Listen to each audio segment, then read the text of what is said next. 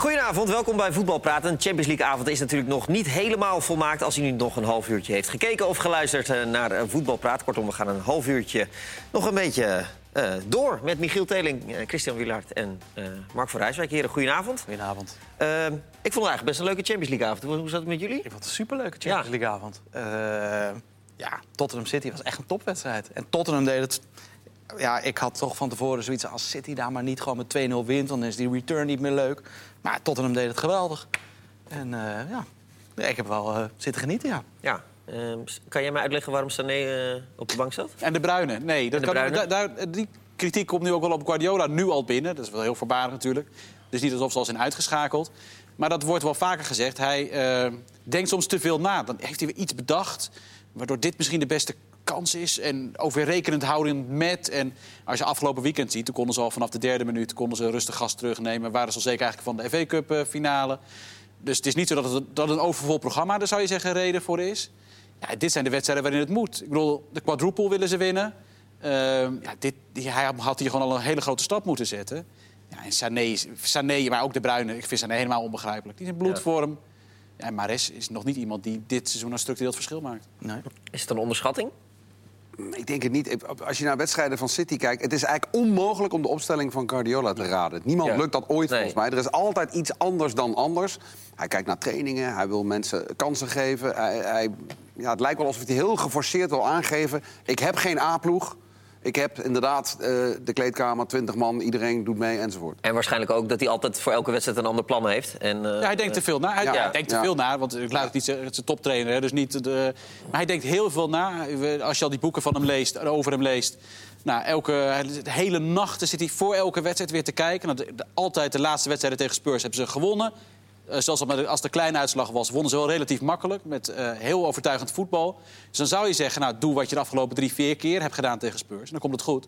Maar als het toch denkt hij weer, we gaan toch weer iets anders doen nu zo. En dan, en dan, ja, dan gaat het ook een keer mis. Ja, en 1-0 is geen lekkere uitslag. Nee, zeker niet. Oeh. Nee. Maar goed, als die pingel erin gaat, dan, uh, dan praat je ook weer heel anders. Hè. Ja. Zo, zo simpel is het ook. Was de pingel? Ja. ja, zeker. Ja, zeker. Ja. Vol, volgens de regels wel. Ja. Alleen, ik vind de regel niet goed. Maar, uh... wat, je, wat, wat moet de regel dan zijn, uh, Milan? Nou, ik heb eigenlijk een, we hebben 20 minuten, een half uur met Christian lopen discussiëren. We moeten een beetje met een nieuw voorstel komen. Ze kwamen er niet uit. Nee, we kwamen er eigenlijk niet uit. Maar we, hebben nog 27 minuten. Nou, wat voorop staat is dat een penalty een te zware straf is. En eigenlijk voor dit geval vond ik het nog meevallen. Want uh, dit was eigenlijk wel een scoringskans. Ja. Uh, en door de onnatuurlijke beweging voor, voorkwam hij die... en is een straf van een penalty terecht. Maar we hebben ook heel veel andere gevallen waarin je hens maakt... maar dat je niet per se een grote kans voorkomt of zo. En dat je dan ook een penalty krijgt. En dat is gewoon te zware straf. Dus ik zou eigenlijk willen voorstellen, als je een hensbal maakt... en je voorkomt er geen scoringskans mee... is het op de plek waar het gebeurt een indirecte vrije trap... En als je er wel een scoringskans mee voorkomt, is het een penalty. En, ook, en stel dat het net buiten de het strafschopgebied gebeurt... dan zou je dus eigenlijk dan ook een penalty moeten geven. Want het gaat om de consequentie. Nee, dat geeft een directe vrije trap. Ja, maar nou, oké, maar dus als jij net buiten het strafgebied op 20 centimeter... met een bewuste hensbal ja, een doelpunt uit... voorkomt, dan zou je toch eigenlijk ook een penalty moeten Nee, maar, maar nee, De gevolgen zijn van belang, dat geef ja, je net zelf ja, maar, maar dit is weer een andere discussie. Ja, nee, oké. Okay, maar... Ja, maar dat, dat, dat, dat is de discussie of je geen, geen 16 meter nee, nee, jij maakt het nu nog ingewikkelder dan het al is. Nee, want jij zegt dat de gevolgen van belang zijn voor de, voor de sanctie die je geeft. Ja, nee, maar we hebben nou eenmaal het 16 meter gebied. Daar ga ik dat neem ja, ik dat hebben we nou eenmaal. Nee, maar jij, jij, bent nu toch nieuwe regels aan het bedenken. Dan kan je ze net zo goed. Dus ja, schaf ook een strafgebied af. Mark ja. Rijswijk schaft het. Nee, maar Mark, Mark, waarom moet je het nou meteen groter maken? Houd nou even tot dit kleine voorstel. Nee, maar als Maak jij de nou gevolgen. Ik vind, vind het ook snap het wel. Als de gevolgen van je actie namelijk bepalend moeten zijn voor de sanctie die erop volgt. Namelijk als jij een doelpunt voorkomt is de penalty. En als je er geen doelpunt of een doelkans mee komt, is het geen penalty. Ja. Dan zou je dat ook breder kunnen trekken. En namelijk zeggen, als je een doelpunt voorkomt en toevallig is het net 10 centimeter buiten het strafgebied... zou je ook een penalty moeten kunnen geven. Maar dat doen we nu toch eigenlijk al? Ah. Door als je er een doelpunt voorkomt, krijg je rood... als het 10, meter, 10 centimeter erbuiten is. En erbinnen, als je een normale tackle maakt, krijg je geel. We hebben nu al twee ja. uh, regelwijzigingen. Ik hoop dat de mensen het nog een beetje snappen. Ja, het is half best laat. Ja. Liverpool. Maar, wat, maar vind je het niks? Het voorstel dat... dat Zeker. Nee, want je creëert meteen, samen met nee, nee, nee. Nou, wat je hebt meteen een extra grijs gebied... omdat je moet gaan interpreteren of het nou een scoringskans was. Of nou, je maakt het in principe makkelijker. Het enige waar je naar moet kijken is of er is of niet. Ja, maar dat wordt dus dat is inter, wordt dan ja, maar dat moeten ze nu ook al doen uh, in, in heel veel gevallen. Ja, daar willen we juist vanaf, toch? Nou, nou dat is namelijk het probleem vanavond ook weer. Die handsbal van uh, Trent Alexander-Arnold op de achterlijn. Ja, dat is ook gewoon Alexander Trent-Arnold bedoel je? Jij haalt het altijd door elkaar, maar ik had hem goed. Ja. ja. Dus, ja, dat gaat, Chris is heel gaat hij beetje, ja, het is echt ongelooflijk, Willard, Willard Christian. Maar in ieder geval, dat had ook een penalty moeten zijn. Ja. En dan Nee, joh. geeft hem niet. Ja, natuurlijk wel. Van heel Nee, dichtbij, redelijk Nee, natuurlijk. maar die bal kwam helemaal niet hard aan. Dan moet je, Nou, ja, natuurlijk. dat is gewoon klasse justitie. Nee, maar dit, dit is, nu raken we, en daar waren we het net wel over eens... nu raken we eigenlijk het allergrootste probleem van die hele eh hensregel. Ja. Er zit zoveel grijs overgangsgebied. En als je met scheidsrechters over praat, scheidsrechtersbazen... die zeggen dan ook off the record van... ja, hens is ook vreselijk. Ja, zegt ze Het allemaal. is, het is bijna niet te doen om daar een goede richtlijn voor te geven... waarbij iedere scheidsrechter dezelfde beslissing neemt. En hebben we inderdaad vanavond ook weer gewoon... Jongens, we moeten het ook nog over Kuzebuur. Ik heb laatst ik vind voetbal mijn, gaan hebben. mijn richtlijn prima. Dus, eh, ik Nou weet ja, laten we nog heel even bij die Champions Misschien dat de Ja, kijkers precies eh, daarom. kunnen Nu weer naar reageren. voetbal, dan komen we straks wel weer op de spelregels. Ja, het is echt een goed voorstel, maar goed. Eh mijn Kuipers Makkeli, die deden... En, eh, Toch, toch weer scheidsrechters. ja, maar dat is in die wedstrijd. Ik, ik wil namelijk naar 1-0. Dat deden ze uitstekend van Son. Eh tuurlijk is dat objectief kijken naar die lijn. Wel of niet over de achterlijn, ja. Ja, Ja. nou, dat buitenspel was nog best, best heel close. Ja, dus assistent goed. Ja, nee, keurig. Maar ja, Ze hebben ook Nee, maar het is drie- lullig als, als, ze, 3D-techniek. als ze hadden gezegd het is buitenspel of hij is over de lijn. eh, als ze daarvoor hadden gevlacht, dat was lullig geweest. En ze deden het in principe nu natuurlijk meteen goed. Dus dat wou ik even zeggen. Ja. nee, prima. Ja. ja, had alleen wel Mares nog even rood kunnen geven, maar dat terzijde. Ja? Nou ja, Ja, en dat was een behoorlijk stevige dat, overtreding. nou, dat viel me ook op, want in die andere wedstrijd, Salah, die op een gegeven moment Zo. één Zo, komt op een smerige ja, manier. Dus- rood. maar daaraan merk je heel duidelijk, en dat is ook wat Kuipers heeft gepropagandeerd in het interview van hem, dat is wat de UEFA heel duidelijk heeft gezegd. Heel weinig vanuit de VAR. We moeten echt, alleen als je echt denkt van, nou, wat gebeurt hier nou weer? Dan moeten ze ingrijpen, maar heel weinig in. Maar Makkeli is dus een andere VAR in de Champions Ja. League dan in de Eredivisie. principe wel. En daar komt hij ook eigenlijk wel vooruit. Dat uh, Ja, geven ze Maar het is toch gewoon heel raar. Een rode kaart is toch gewoon een rode kaart? Die Ja, overtreding van Salah dus is niet. toch gewoon een rode kaart? Ja, maar de FIFA en de UEFA, de FIFA zat als met op het WK. Dus dan gaan we gewoon de regels niet Minder kaart. Ja, ze willen minder gele en rode kaarten. Maar dat hebben we to- toch ook al de laatste week een beetje in de Eredivisie ge- gemerkt... dat de VAR wat terughoudender is. Iets terughalen, ja. ja. Is Liverpool de topfavoriet voor de Champions League? Nou, nee. Niet de topfavoriet, maar wel Nee, een van de grote Nee? kanshebbers. Ze hebben de makkelijkste loting, denk ik. Ja. Ik schat zelfs ik schat Ajax hoger in dan Porto. Ja, Eh, toch dus- 2-0 niet zo eens zo. Heel Nee, daarom. Maar, nee, dus, maar ik denk, ja, dus Liverpool hoort die. Maar hierna komen ze normaal gesproken Barcelona tegen. Die schat ik nog wel iets hoger Mhm. op dit moment dan Manchester United. Ja. Ja. dat, wordt, een- dat wordt een. eh, Juve, Barça, City, Liverpool, dat zijn toch de vier favorieten? ja. Ja, Die- En daar zit niet heel dat veel is ook tussen. een enigszins eh, prikkel. Of wel? ja, maar nou, voorlopig City eh, niet echt een ideale Niemand tuint erin, Milan. Nee, niemand tuint erin. Ja. Moeten we nog naar scheidsrechters of gaan we nog even door met voetbal? Gaan we door met voetbal? Nou, maar Ja, jij straks nog... pas. Oh, straks pas. ja. Toch? Weet je, hij bepaalt het wel. ja, zullen we maar naar Ajax-Juventus gaan? Want dat is eh, morgen de kraker. Eh, Die fluit? Oh, nee. Wat zeg je? Nee, dat was een grap. Ja, een Spanjaard fluit. Ik weet zijn naam eh, niet uit mijn hoofd. Carlos del Cerro Grande. Jezus, je bent Ja, al- altijd zo goed voorbereid. Eh Frenkie de Jong is erbij. Dat is voor Ajax... eh, eh, laat ik het zo zeggen. Is voor Ajax Frenkie de Jong erbij eh, belangrijker dan dat voor Juventus Ronaldo erbij is? Nee. Dat vind ik op de gelijke hoogte staan. Nee, joh. Ja, ik wel. Nee, ik Nou, denk misschien ook wel. En die Ik denk dat het wedstrijd voor. Ajax belangrijker is dan voor... Nou ja, daar, daar zou ik eerder naar neigen. voor, Ja? ja, denk ik wel. Juve heeft zoveel kwaliteit. Ja. Ja. maar Ronaldo is zeker in de Champions League onmisbaar. Ja, maar Frenkie de Jong is voor dit Ajax ook Frenkie de Jong onmisbaar. is dit voor dit Ajax denk ik ook onmisbaar. Nee, dat... Alle Ajax kan niet op de manier van Ajax spelen Nee. zonder Frenkie de Jong. Dat is Nee. het probleem. Ja, maar als je dus, je, de, de Jong is belangrijker dan de licht? Als ik nu zou moeten Ja, kiezen... dat is een andere Ja, maar dat, dat, discussie. dat vroeg ik niet. Nee, oké, nee, maar als je nu zou moeten kiezen... Jij gaat altijd weer wat anders Maar jij, jij, jij trekt alle, alle discussies. Nee, maar- Eh, Blijf nou eens gewoon bij de discussie. Nee, maar ja, het zou, het zou heel raar... zonder strafschop. Nee, maar het, zou, het zou heel raar zijn als je... Nee, maar het zou toch heel raar zijn als je zegt dat de licht belangrijker is dan de jong, maar de jong is onmisbaar. Is heel... kunnen ook twee personen onmisbaar zijn. Maar waarom haal je dan de jong eruit? Ik vind de licht... Omdat hij de presentator is. Nee, maar Frenkie de Jong had toch geen enkel blessure zaterdag? Ja, nee, oké, maar als je de licht nu weg zou halen... Het was, toch, het was nieuws vandaag dat Frenkie de Jong eh, mee mag kan doen. Als je de licht weg zou halen met de kopkracht die Juventus heeft... Op dit moment is het al een probleem wie je daar buiten de Ja, dat licht is wel echt goed tegenover kan zeggen. Nee, tuurlijk, dat ben ik helemaal met je eens. Dus, ja, dus is de licht echt ongelooflijk Verdedigend belangrijk. op zich wel. Maar die je kan ook in balbezit denken. hè? Ik heb het even opgezocht Ja, dat het ja. licht op scherp stond. Eh, ik heb het hier. eh Jazeker. De Licht. Wie niet? Van der Beek, Taliafico en Ziyech. Ja. Wie kan, je, wie kan je behalve de licht nog op die, op die kopper zetten? Want we weten allemaal, je hebt volgens mij opgezocht hoe dat met standaard situaties zit. Maar die Magajan is heel groot. Ja, nee, maar oké, wie van degene die Beuber, morgen maar die is er spelen. niet meer. Nee, van degene die morgen spelen. Oh, sorry, sorry, ja. Morgen is er een vrije trap. Nou, je hebt eh, de licht. Nou, je- Veldman is een aardige kopper. Ja, maar, niet heel groot. Niet heel groot. Nee, Kijk, ja, maar- Figo kan koppen. Maar hij is een betere kopper dan komt Mazzoni. Bonucci mee. Mandzukic staat er. Ronaldo staat er. Nee, dat is een groot probleem. Dat is echt een vrij Als je drie corners weggeeft, dan eh, staat het 0-1. Ja, dat is dat denk ik eigenlijk net als vroeger de, de drie corners. Drie corners, goal. Ja, per goal zelfs. Ja, maar je moet dus geen Oh, drie, corner drie corners Nee, ja, maar ik, ik zie niet in hoe je drie corners tegen kan krijgen zonder dat er eentje ingaat. Met al die koppers die zij hebben. Komt die Bonucci nog naar voren, dan hebben ze nog... Uh, ja, Chiellini is er gelukkig niet bij. Die ja, kan namelijk ook heel goed koppen. Ja, dat was eigenlijk nou, is die volgens mij ook geen Lilliputter, maar... Nee, maar dat is geen Chiellini, hè? Nee. Want, want dat was eigenlijk altijd er met Sander Jongman, Italië-kenner bij ons op de redactie over. Welke, uh, welk gemis is groter, Ronaldo of Chiellini voor uh, Juventus? Nou, hij twijfelde. Want uh, ze hebben zoveel aanvallende kwaliteit, maar verdedigend is het achter Chiellini... nou, natuurlijk hebben ze wel een aantal goede, maar... Ronaldo is denk ik makkelijk. Maar hij vindt het ook dan mooi om een Italiaan nog onmisbaar Ja, maar als je... Nou, ik wil niet... Kijk, en in de Serie A geloof ik dat wel. Maar in de Champions League, we hebben toch allemaal Atletico gezien. Ja, zonder Ronaldo, zonder Ronaldo, je had die andere tien op kunnen stellen. Met Chiellini, met... Uh, maakt allemaal niet uit. Als Ronaldo niet had meegedaan, hadden we, had eh, Ajax nu tegen Atletico gespeeld. Zo ja, nee, zo is het inderdaad ook. Tuurlijk, nee, maar Ronaldo is, ja. is het op één beste speler van de wereld. Dus En als je... Was Frenkie, Ajax zonder Frenkie de Jong volstrekt kansloos geweest tegen Real Madrid? Dat denk ik niet. Nou, denk ik. Dat denk ik wel. Dat denk ik wel. Ja? ja. Volstrekt kansloos geweest tegen Real Madrid. Ja, ja. Ja. ja. Zo belangrijk? Nou, dat, dat, geloof ik niet. Maar, goed. maar jij onderschat denk ik nog steeds de kwaliteiten van, uh, van Frenkie de Jong. Nee, dat schat ik helemaal niet. Maar ik zeg niet, ik, ik, jullie onderschatten de kwaliteiten van de andere Ajaxiden. Ja, maar die bal moet wel voorin komen. Hè? En bijna elke bal uh, die, die, bij de creatievelingen belandt, komt daar via Frenkie ja, de Jong. Frenkie de Jong is wel heel belangrijk. Maar je, op dat zeggen dat Ajax zonder Frenkie de Jong kansloos was geweest in Madrid... dat gaat mij wel erg ver. Ja, maar Frenkie, De, Jong is, Frenkie de Jong is natuurlijk wel echt een joker, hè? Al, Frenkie.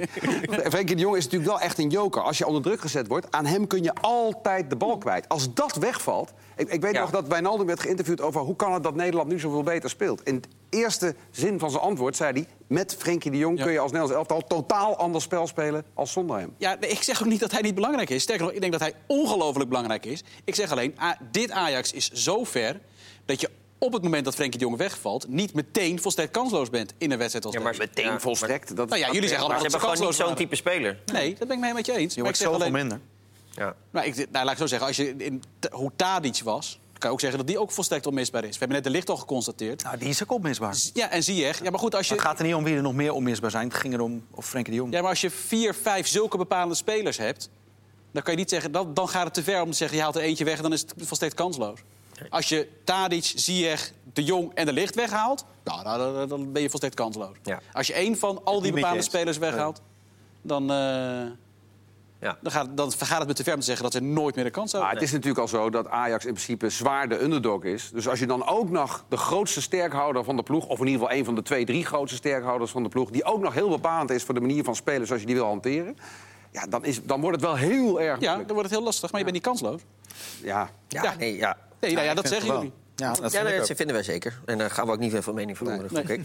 Ehm, uh, we hebben tactisch, nou, tactisch zijn we een beetje op de corners. Dat, dat is heel belangrijk om dat, uh, er goed mee om te gaan. Als we verder nog een beetje kijken, wat is het belangrijkste voor Ajax morgen?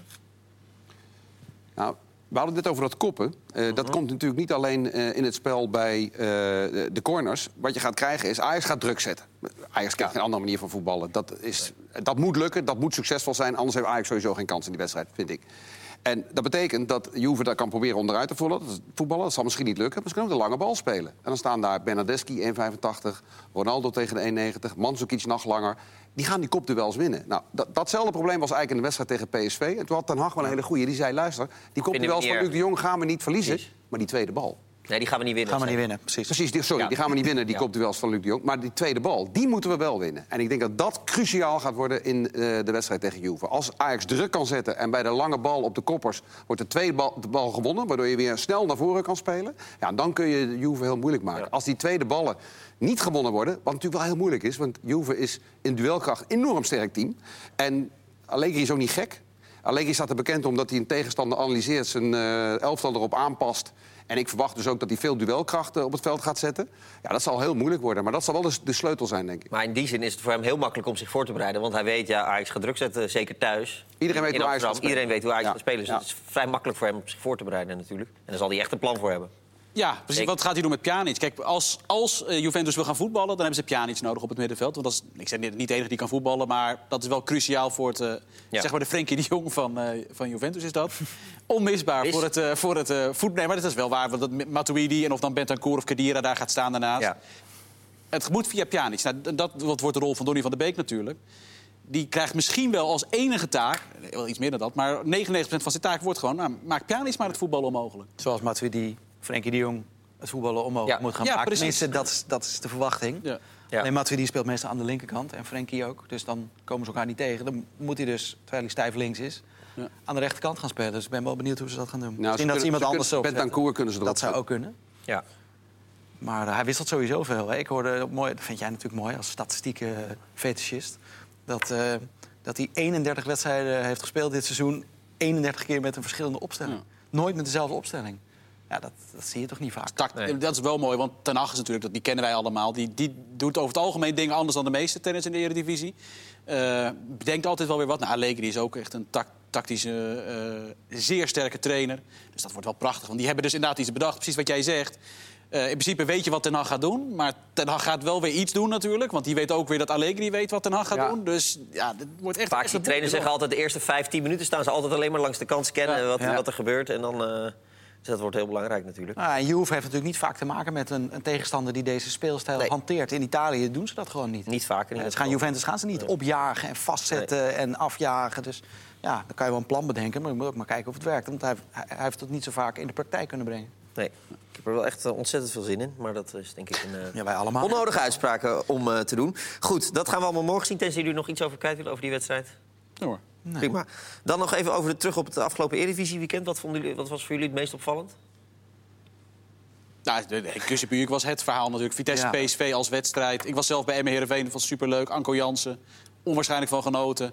Uh, Emma boven de streep, hartstikke knap. Maar de wedstrijd van het weekend was uh, zonder twijfel Vitesse PSV... met alles wat daaromheen en daarna gebeurde. Ja, uh, jij bent vaak bezig met scheids... of nou ja, jij, je hebt vaak een mening over scheidsrechters. je spreekt ze veel. Ja.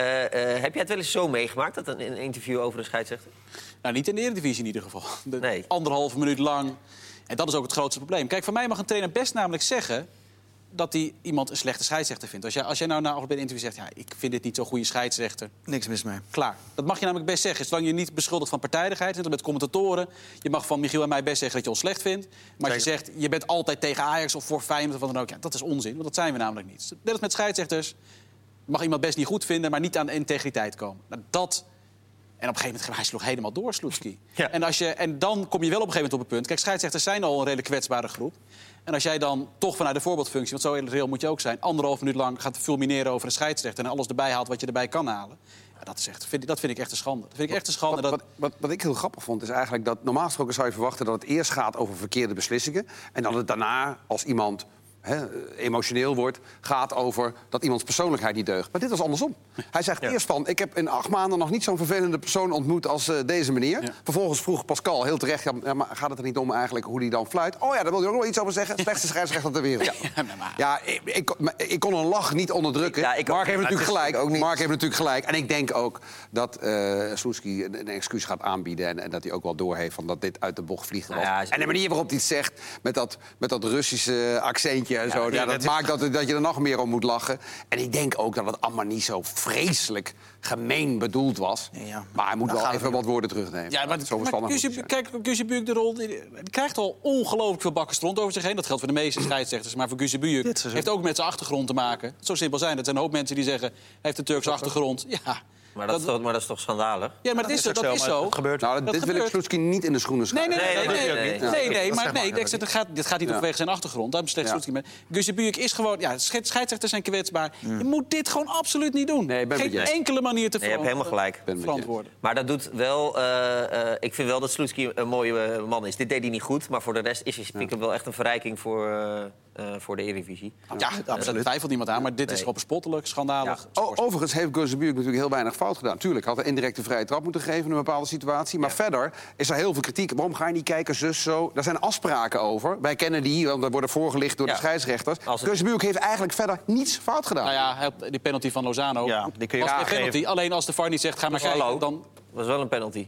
Nou ja, daar gaan we al. precies. Nee, maar, maar ik, ik, heb denk ik 50-50 is het precies bij die... Nee, uh, gaat, gaat hij een andere mening doen voor de... Nee, ik heb dat zondag ook al gezegd. Nee, maar, dat, maar dat, ben ik, dat ben ik wel met je eens. Alleen, daar, laat ik het zo zeggen. Als jij zegt, ik vind het geen penalty...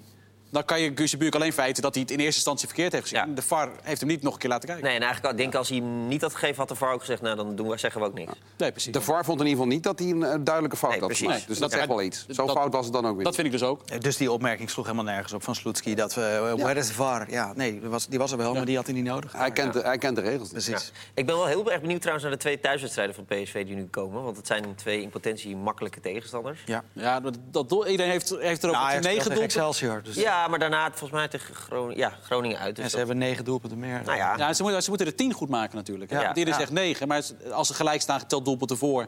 En Ajax heeft er aanmerkelijk meer gemaakt. Dus PSV moet in vijf wedstrijden een doelsaldo zeg maar, van tien goed maken. Ja. Nou, Ajax Excelsior 4-0, 5-0. Ja. Nou, dan ga je, ga er maar aan staan. Dan moet je dus, om te beginnen moet je maar een stuk of negen gaan maken... om een beetje in de buurt te gaan komen. Ja, ja. Nou, dat kan. Dat kan, je, dat kan, maar... kan je ook naar de keel vliegen. Precies. Uh, is... Dan kan je ook namelijk, als je zo graag met z'n allen wil... Dat, uh... maar dat, dat, ik ben zelf bij PSV de Graafschap. Ik ben wel heel benieuwd hoe ze dat aan gaan pakken. Maar jullie hebben het over doelstal. Jullie gaan er dus allemaal vanuit dat uh, nee. beide ploegen... alle nee. wedstrijden geen nee, nee, maar ik ga er wel vanuit dat Ajax van Excelsior wint. PSV van de Graafschap, ja. ja. En, en dat dan dat weekend in ieder geval doelsaldo even een, een, echt een item gaat zijn. En dan wordt Groningen-Ajax een hele belangrijke. Ja, dat wordt de sleutelwedstrijd natuurlijk voor Ajax. Ja. Wie geeft eigenlijk commentaar? Ik niet.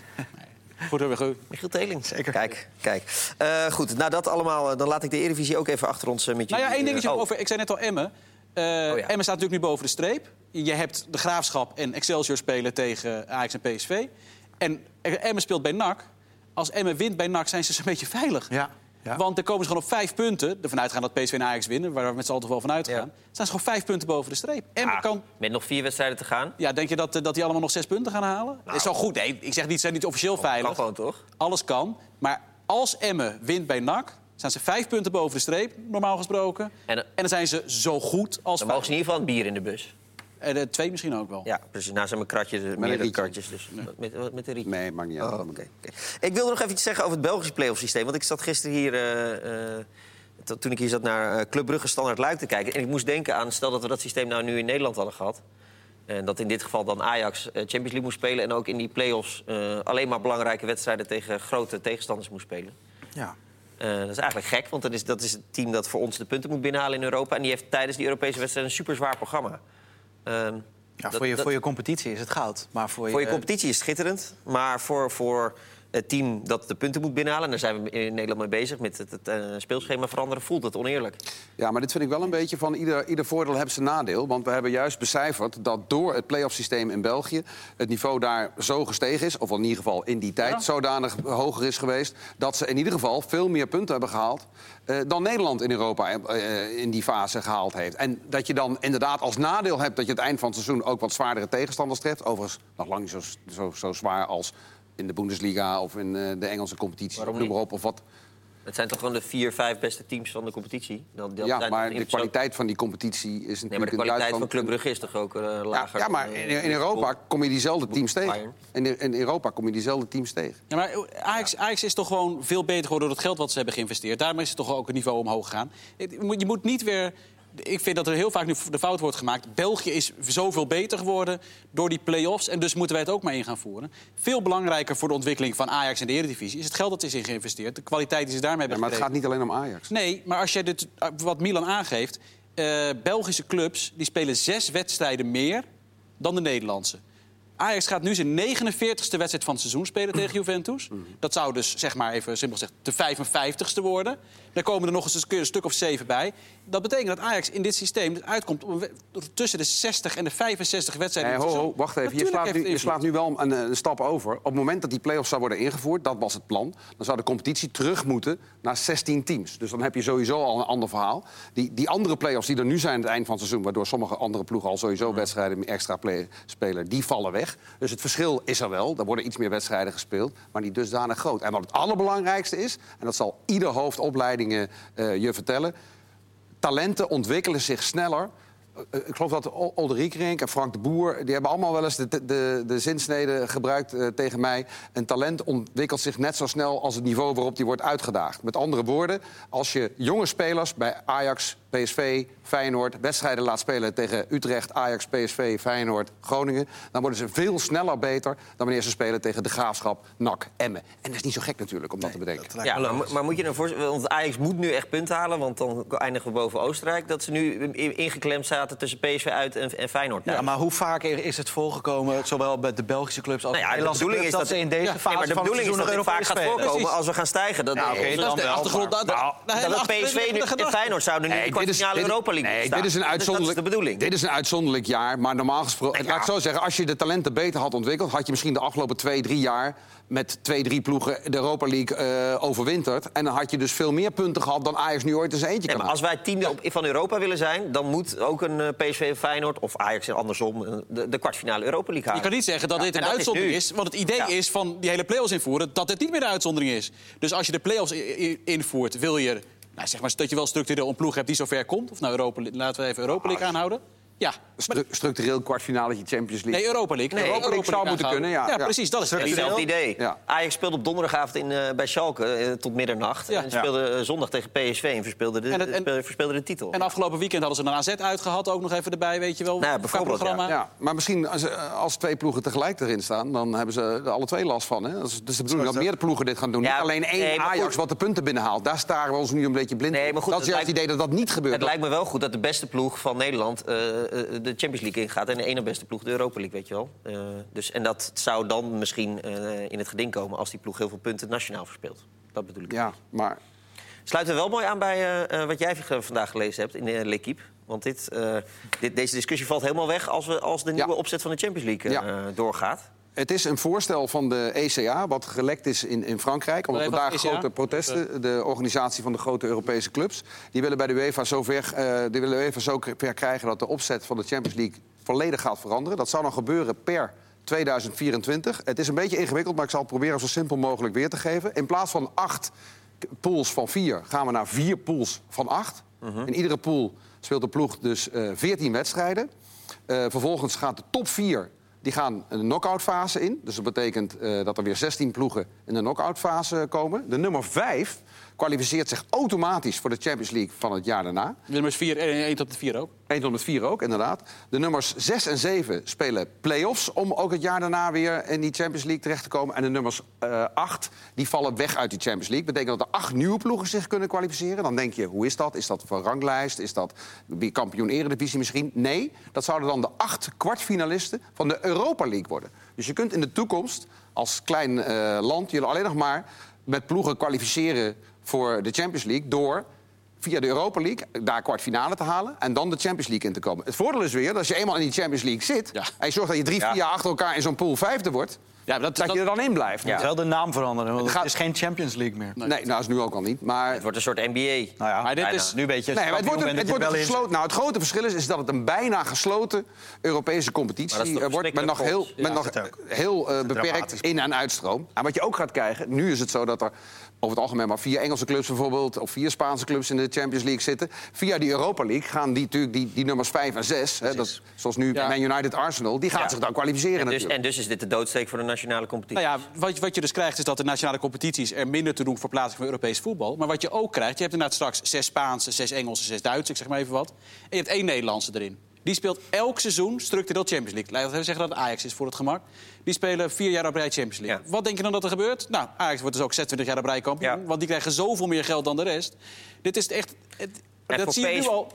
voor PSV is het dan super moeilijk om, daar, om daarbij, om daarbij te, komen. En je ziet het nu al bij de, in de Oost-Europese competities. Waarbij er één ploeg is die dan vier jaar op rij toevallig de Champions League heeft gehaald. Die hebben er zoveel Baat geld. Borisov of zo. En die zijn nooit meer te achterhalen. Nou, dat is echt het gaat, nog verder. Het gaat nog verder. Wat ze in Frankrijk bijvoorbeeld. Uh, overigens, het lijkt er echt op dat dit gaat gebeuren. Hè? Want als de UEFA nee zegt, dan uh, zijn ze bang voor een scheuring dat de ECA uh, eh, zich af gaat splitsen. dus dit gaat waarschijnlijk wel echt gebeuren. En, en Timas, dat wil ik nog even zeggen, dat zeiden ze in Frankrijk... Timas Olympique Marseille, die derde staan in de competitie... geen kampioen meer kunnen worden. Hebben een wedstrijd op zondag tegen Olympique Lyon. Maar woensdag wacht die Champions League-wedstrijd... en ze moeten bij de eerste vijf eindigen. Die spelen met een B-team of een C-team. Chris, we moeten de barricade op. Ja, nee, maar- KKD. KKD. Even Twente. nog zeggen dat eh, Chili weet weer waar het staat. Ja, 7-0. Van de Donk vier keer. Heerlijk. Precies, dus dat eh, komt helemaal En goed. Van Dongen deed ook mee. Van Dongen in de basis, Uitstekend. dus eh, ge- de nul gehouden, helemaal prima. En de KKD, Mag ze wel dit jaar, denk je? ik hoop het. Nou, het zal toch. Oh, dat maar het wordt weer smullen, hè, vrijdag. Ja. Ah, Sparta speelt zondag, geloof ik. Zondag tegen, Tegen top, Top, ja. maar Telstar thuis Nou, voor dat, Twente. nou, dat is Wint geen Twente? Nee, Telstar is in topvorm. 7 gespeeld, 9. Het is dat Leo Dries er niet is, hebben we het toch weer over Telstar. Maar Ja. die zijn echt Oh ja, topvorm. zouden we niet doen? En die Ja. hebben leuke aanvallers. Dat, eh, Ondaan eh, die heeft het op zijn heupen de laatste tijd. En Twente sukkelt, dus wel Brama is weer terug. Dat is Oh, natuurlijk dat is- ontzettend belangrijk. Oh, is belangrijk. Zullen, de rest, zullen het toch niet gaan weggeven? Nee, want Ah, Sparta, Sparta wint ook niet alles, dat is Nou, het probleem. Je hebt Top Os thuis, Helmond thuis, Ja, maar Top is Jong PSV uit, Jong Ajax altijd met thuis vijf verdedigers. en Jong AZ uit. Die eindigen gewoon met drie belofte teams. Vind ik best... Sparta, nee, Twente wordt kampioen. Ja, ik, Sparta gaat niet alles winnen. Het zou wel schitterend zijn als het nog... ik wel, denk wel. Twente Nee, gaat wel... nog echt- als het Milan binnenkort naar Enschede. Nee. als jullie geen kampioen worden, mensen. nee, dat zijn Heerlijk. 10 seconden schiet op als het nog echt spannend wordt. Ja, ze gaan er wel choken, maar ze gaat Ja. niet weggeven. Nou, Twente zou wel de verdiende kampioen zijn, toch? Zo, met, met die gemeentesteun. Zullen we daar nog even over hebben? Nee, daar gaan we het niet meer over hebben. Morgen zijn we terug.